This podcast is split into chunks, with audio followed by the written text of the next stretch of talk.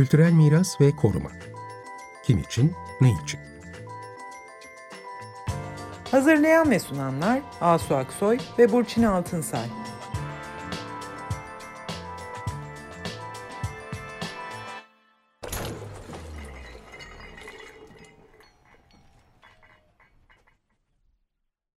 Merhaba, iyi akşamlar. Ben Burçin Altınsay.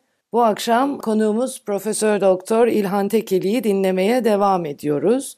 Biz bir süredir e, Cumhuriyet'in 100. yılı vesilesiyle Cumhuriyet'in e, ilk döneminde e, mimari koruma ve planlama alanında yapılanları konuşmaktayız. Bu akşam devamını dinleyeceğiniz program dizisinde ise İlhan Tekeli ile birlikte yeni Cumhuriyet'in kentlere, kentliliğe, ve planlama disiplinine yaklaşımını burada getirdiği yenilikleri ve hamleleri konuşuyorduk.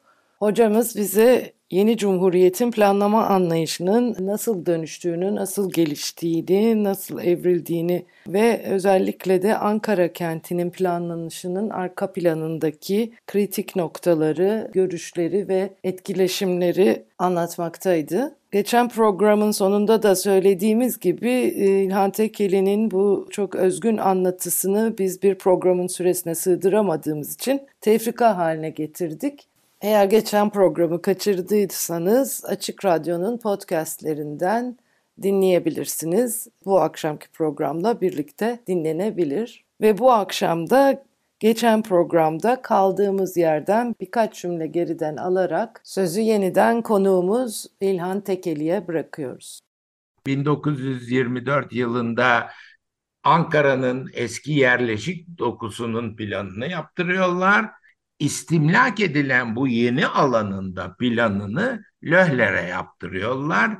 Bu bizim Cumhuriyet'in başındaki işte kuleli köşkler vesaire Yakup Kadri'nin e, anlattığı doku yani böyle bir tam ne olduğu belli olmayan ve insanların Yakup Kadri ile Fahri Rıfkı'nın yadırgadıkları bir yeni şehir doğmaya başlıyor. Aslında bu bir planla oluyor öyle mi? Yani Löhler'in planına Tabii tabii uyarak. tabii 25'te Löhler'in planına göre oluyor. Löhler'in 25'te Yenişehir için yaptığı plana göre oluyor bu. Aslında Löhler'in 24'te yaptığı plana göre de eski alanda bir şeyler yapılmak isteniyor ama Löhler eski plan dokusunu hiç hesaba katmadığı ve kesip biçtiği için de o uygulanamıyor. Böyle bir durum var. Ya benimsenmiyor. Yani tarihi dokuya müdahalesi benimsenmiyor aslında. Değil mi? Hayır Böyle... şimdi yeni şimdi burada tarihi doku meselesi yeni şehrin kurulmasıyla tarihi doku tahrip olmaktan kurtuluyor. Hı hı. Çünkü aslında mecliste eski Ankaralılar 583 e, sayılı yasa çıkarken kavga veriyorlar. Yeni şehir olmasın. Şehir eski kent üstünde oluşsun diye uğraşıyorlar ki kendi malları, mülkleri değer kazansın. Çünkü o zaman tarihi değil orası. Zaten yaşadıkları yer değil mi? Yaşadıkları yer. Yaşadıkları evet. yer. Ama o alanı esas değer artışının olacağı alan haline getirme. Halbuki şöyle bir şey oluyor. Mustafa Kemal Çankaya'da bağ evine yerleşince Ankara'nın gelişme aksı belirleniyor. Hı hı. Ulus Çankaya diye. Ve Yenişehir onun etrafında oluşmaya başlıyor bir uca kadar. Şimdi bu gelişmeler olurken 27 yılı bir dönüm noktası onu kurmamız gerekiyor. Ve Mustafa Kemal'e bakış açımız da değişecek bu noktayı kurduğumuzda. Şimdi düşününüz ki bir ulus devlet kuruyor Cumhuriyet ve bir mimarlık akımı var. Ulusal mimari diye. Ve onların temsilcileri Mimar Vedat, Mimar Kemalettin, Monceri Ankara'ya geliyorlar, iş yapmaya başlıyorlar ve o tarih yani ulustan bu aksa doğru o binalar akmaya başlıyor. Şimdi burada çok önemli bir dönüşüm var. 1927 yılında Mustafa Kemal birinci ulusal mimariyi reddediyor. Hı hı. Ve modern mimar olarak Egli'yi çağırıyorlar. Bunu böyle yazılı bir şey var mı bu konuda? Yani hani ne- nasıl bir konuşma geçiyor, ne oluyor? Bir, Yoksa- bir, miktar var anlatacağım. Peki. Egli'yi çağırıyor. Evet. Ernst Ee, Egli. Ve Mimar Kemalettin de şimdi gazi eğitim olarak yapılan binayı tasarlamış. Birinci ulusal mimari stilinde. Egli gelince tren istasyonundan Mimar Kemalettin karşılıyor. Ve Mimar Kemalettin'le beraber Marif Vekili'nin odasına gidiyorlar. Marif Vekili bu Cumhuriyet yani 29 Ekim civarında olan bir şey. Oraya gidiyorlar.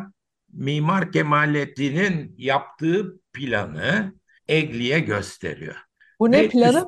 Gazi Eğitim var ya, Gazi Eğitim o onun binasının planı. Ha, tamam. Gazi Eğitim kurulacak daha kurulmamış. Onun binası. Şimdi bu binayı tasarlamış, daha yapılmamış ama ulusal mimari üstünden tasarlamış. Mustafa Kemal de düşüncesini değiştirmiş ve şey yapmış. Demiş ki modern mimari olacak. Şimdi modern mimari olsun olmasın herhalde orada tartışma oluyor ve Mimar Kemalettin odayı terk ediyor ağlamaklı bir şekilde. Mehmet Emin Yurdakul'un odasına gidiyor ve işte yakınıyor, belki de ağlıyor. Böyle bir durum. O gün Cumhuriyet Balosu var. Cumhuriyet Balosu'na Egli'yi götürüyorlar. Mustafa Kemal Egli'yi görünce konuşuyor diyor ki o bina şey mi diyor, modern bina mı diyor. Şimdi Egli ona diyor ki evet diyor ama yani biz e, Mimar Kemalettin'le çalışıp onu modern hale getiririz diyor. Mustafa Kemal diyor ki ben sana onu sormadım diyor. Modern mi o bina değil mi diyor. Ve ondan sonra Türkiye'de ulusal birinci ulusal mimari defteri kapanıyor. Şimdi bu defterin niye kapandığı, Mustafa Kemal'in bu modern mimari bilgisini nereden aldığını bilmiyoruz. Peki bizim Yansen ne zaman sahneye çıkıyor hocam? Evet. Ha, dur şimdi gelecek bekle. 27'sinde gelecek. 27'ye niye geldik? 27'de geliyor. O bu anlatacağım dönüşümün bir parçası. Ama bu dönüşümü anlamadan onu anlayamayız. Niye bu modern mimariye geçiyor? Bunu anlamak için şeye bakmak gerekiyor. 1926'da Türkiye Medeni Kanunu kabul ediyor. Medeni Kanun İsviçre. şu İsviçre'den olduğu gibi alınıyor. Hı hı. Burada bir sentez yok. Radikal bir modernitenin kanunu, yaşam biçimi. Neyi kaldırıyor? Mecelleyi kaldırıyor. Mecelle ise Cevdet Paşa'nın yaptığı sentezci bir yaşa, İslam hukukuyla modern hukuku, Avrupa hukukunu birleştiren bir yasa bunu reddediyor. Şimdi biz Mustafa Kemal'i konuşurken 27'deki dönüşümü vurgulamıyoruz. Bütün bu kutlamalarda 22'den itibaren Mustafa Kemal 38'e kadar tek çizgi. Öyle değil. Mustafa Kemal 23-24'te sentezci, sentezci dediğim Ziya Gökalp'in Türkleşmek, İslamlaşmak, muasırlaşmak formülü içinde konuşuyor. 25'te Ziya Gökalp Türkçülüğün esaslarını yazdığında ona yüz vermiyor. Mustafa Kemal 26'da da bu sentezci düşünceyi tümüyle reddediyor ve radikal moderniteye geçiyor. Radikal moderniteye geçtikten sonra arka arkaya devrimler gelecek. Harf devrimi bilmem ne bilmem ne bir sürü şey gelecek. Tarihe bakış açıları hepsi değişecek. Şimdi bu 27 yılında Ankara'da Löhler'in yaptığı Eskişehir ve Yenişehir için ve ikisini de birleştirilerek tek plan haline getirilmiş bir plan varken yarışma açıyor. Yarışma açıyor ve bu yarışmaya üç kişi davet ediliyor. Sınırlı bir yarışma. Şeyden, Berlin'den, Berlin'in planını yapan Jansen ve sağlık meselesiyle ilgili bir plancı olan Briggs ve Fransız baş mimarı Josli çağrılıyor. Ve 27 yılında açılan yarışmayı şey kazanıyor. Jansen kazanıyor. Jansen'in kazanması şöyle bir durum ortaya çıkartıyor. Josselin planı Fransız usulü plan yani İzmir'deki uygulanan İzmir planlamasıyla aynı ekolden ama çok pahalı, çok yol var.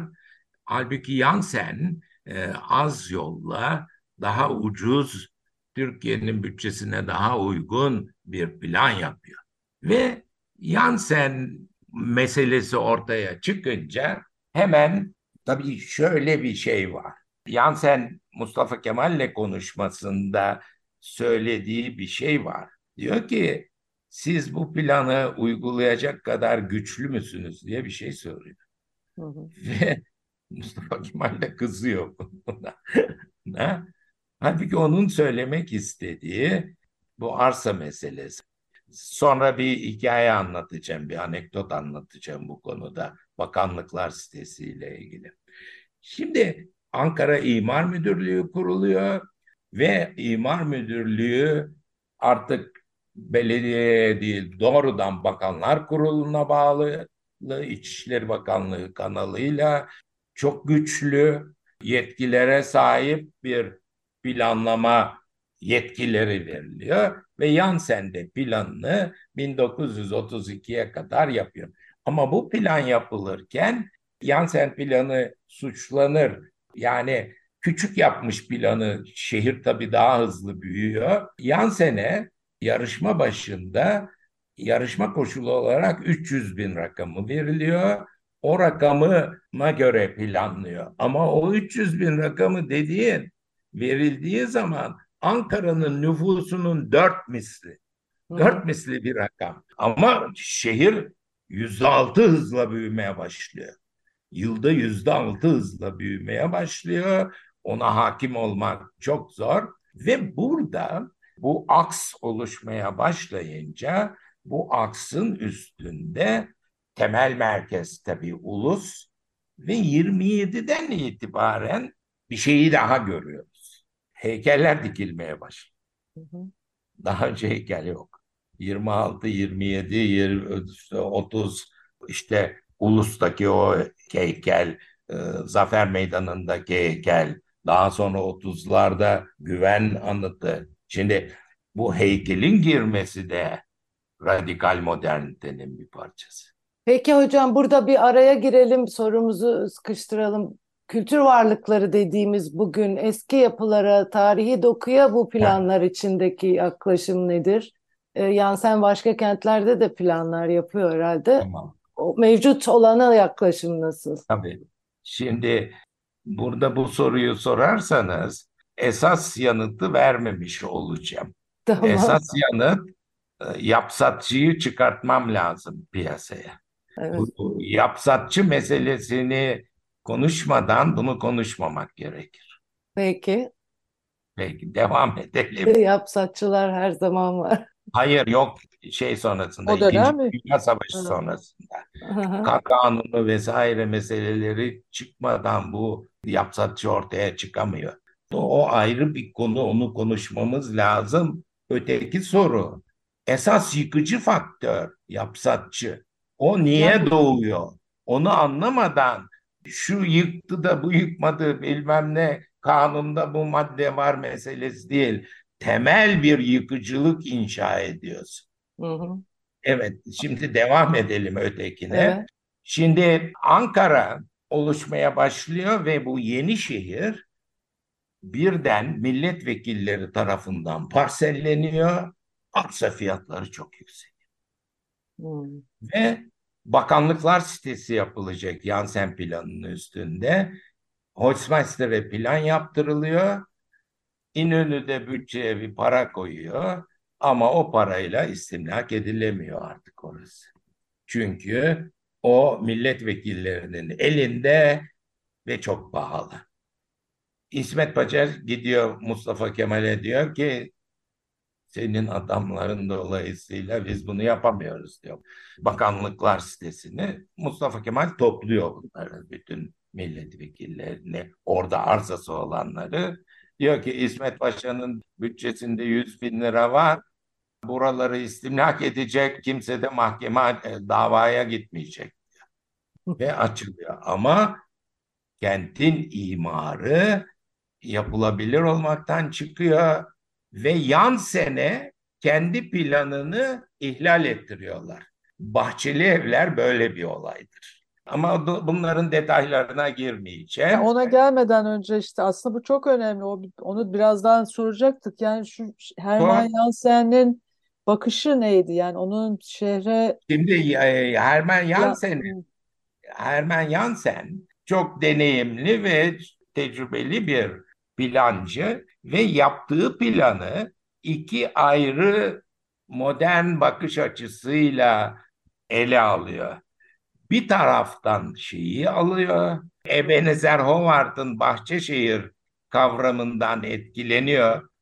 Sonra planın parçası olarak değil, daha sonra yaptığı Bahçeli kentlerini, Bahçeli Bahçeli Mahallesi de zaten isminde var Bahçeli şeyi o etkiyi yeşille bütünleşmiş küçük komüniteler meselesi kafasında var. Onu uygulamaya öbür taraftan da e, Camillo Sitte'nin 1898'deki çıkan kitabındaki anlayışa sahip tarihi kentler problemine duyarlı ve onun için Yansen'in planı Löhler'in planından daha duyarlı bir plan. Hı hı. Ee, Löhler'in planı hiç düşünmeyen bir plan. Ee, zaten o zaman şehircilik kitapları var. İlk şehircilik kitapları tercüme edilmeye başlıyor. 1927'de Refik Fenmen bir, bir kitap yayınlıyor falan. Onlar hem e, modern, ara, arabaya uygun, planlar ama tabii onu eski dokunun içine koyduğun zaman çözülmüyor iş. Şimdi bizim bu Yansen planı Türkiye'nin şehircilik problemine bakışını yeniden formüle ediyor. Hı, işte bunu bu anlatın. Bu formülasyon 1930 yılında çıkan iki önemli yasayla ilgili. Bunlardan birisi 1580 sayılı belediyeler yasası, diğeri 1593 sayılı Umumi Hıfzı Sıha Kanunu. Cumhuriyet kent problemine bir sağlık problemi olarak bakıyor.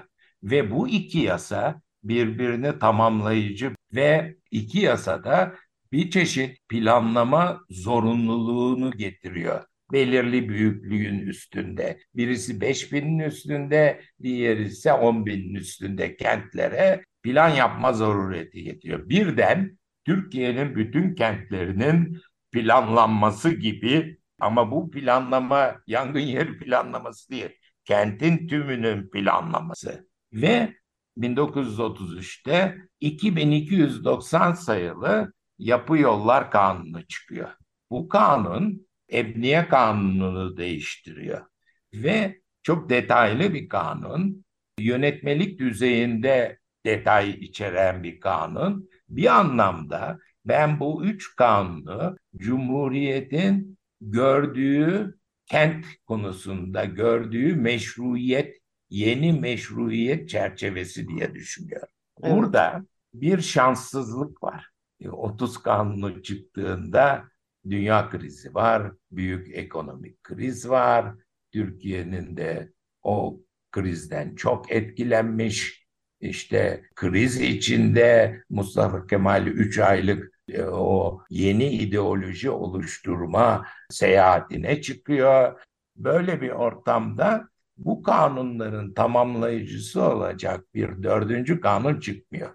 O kanun belediye gelirlerini artıracak kanun. O kanun çıkmıyor kriz içinde ve böyle bu iş devam ediyor. Fakat Türkiye'nin kent planlama hüneri artık harita mühendisleri elinden çıkıp mimarların hüner kategorisi içine girmeye başlıyor. Bunun için de Türkiye'de bu belediyelere plan yapılacak plancı lazım. Burada iki yaklaşım kullanıyorlar. Birisi Türkiye'ye gelmiş Pros gibi, Yansen gibi plancılara başka kentlerin planlamasını veriyorlar. Prost'a Bursa ve çevresindeki kentleri veriyorlar.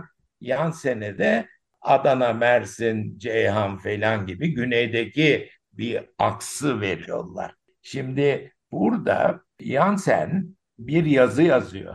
Belediyeler dergisine o zaman çıkan bu Fransız planlarının aleyhine bir yazı yazıyor. Diyor ki çünkü Çukurova'da daha önce o kentlere Fransızların işgali sırasında yapılmış planlar var. Fransız usulü planlar.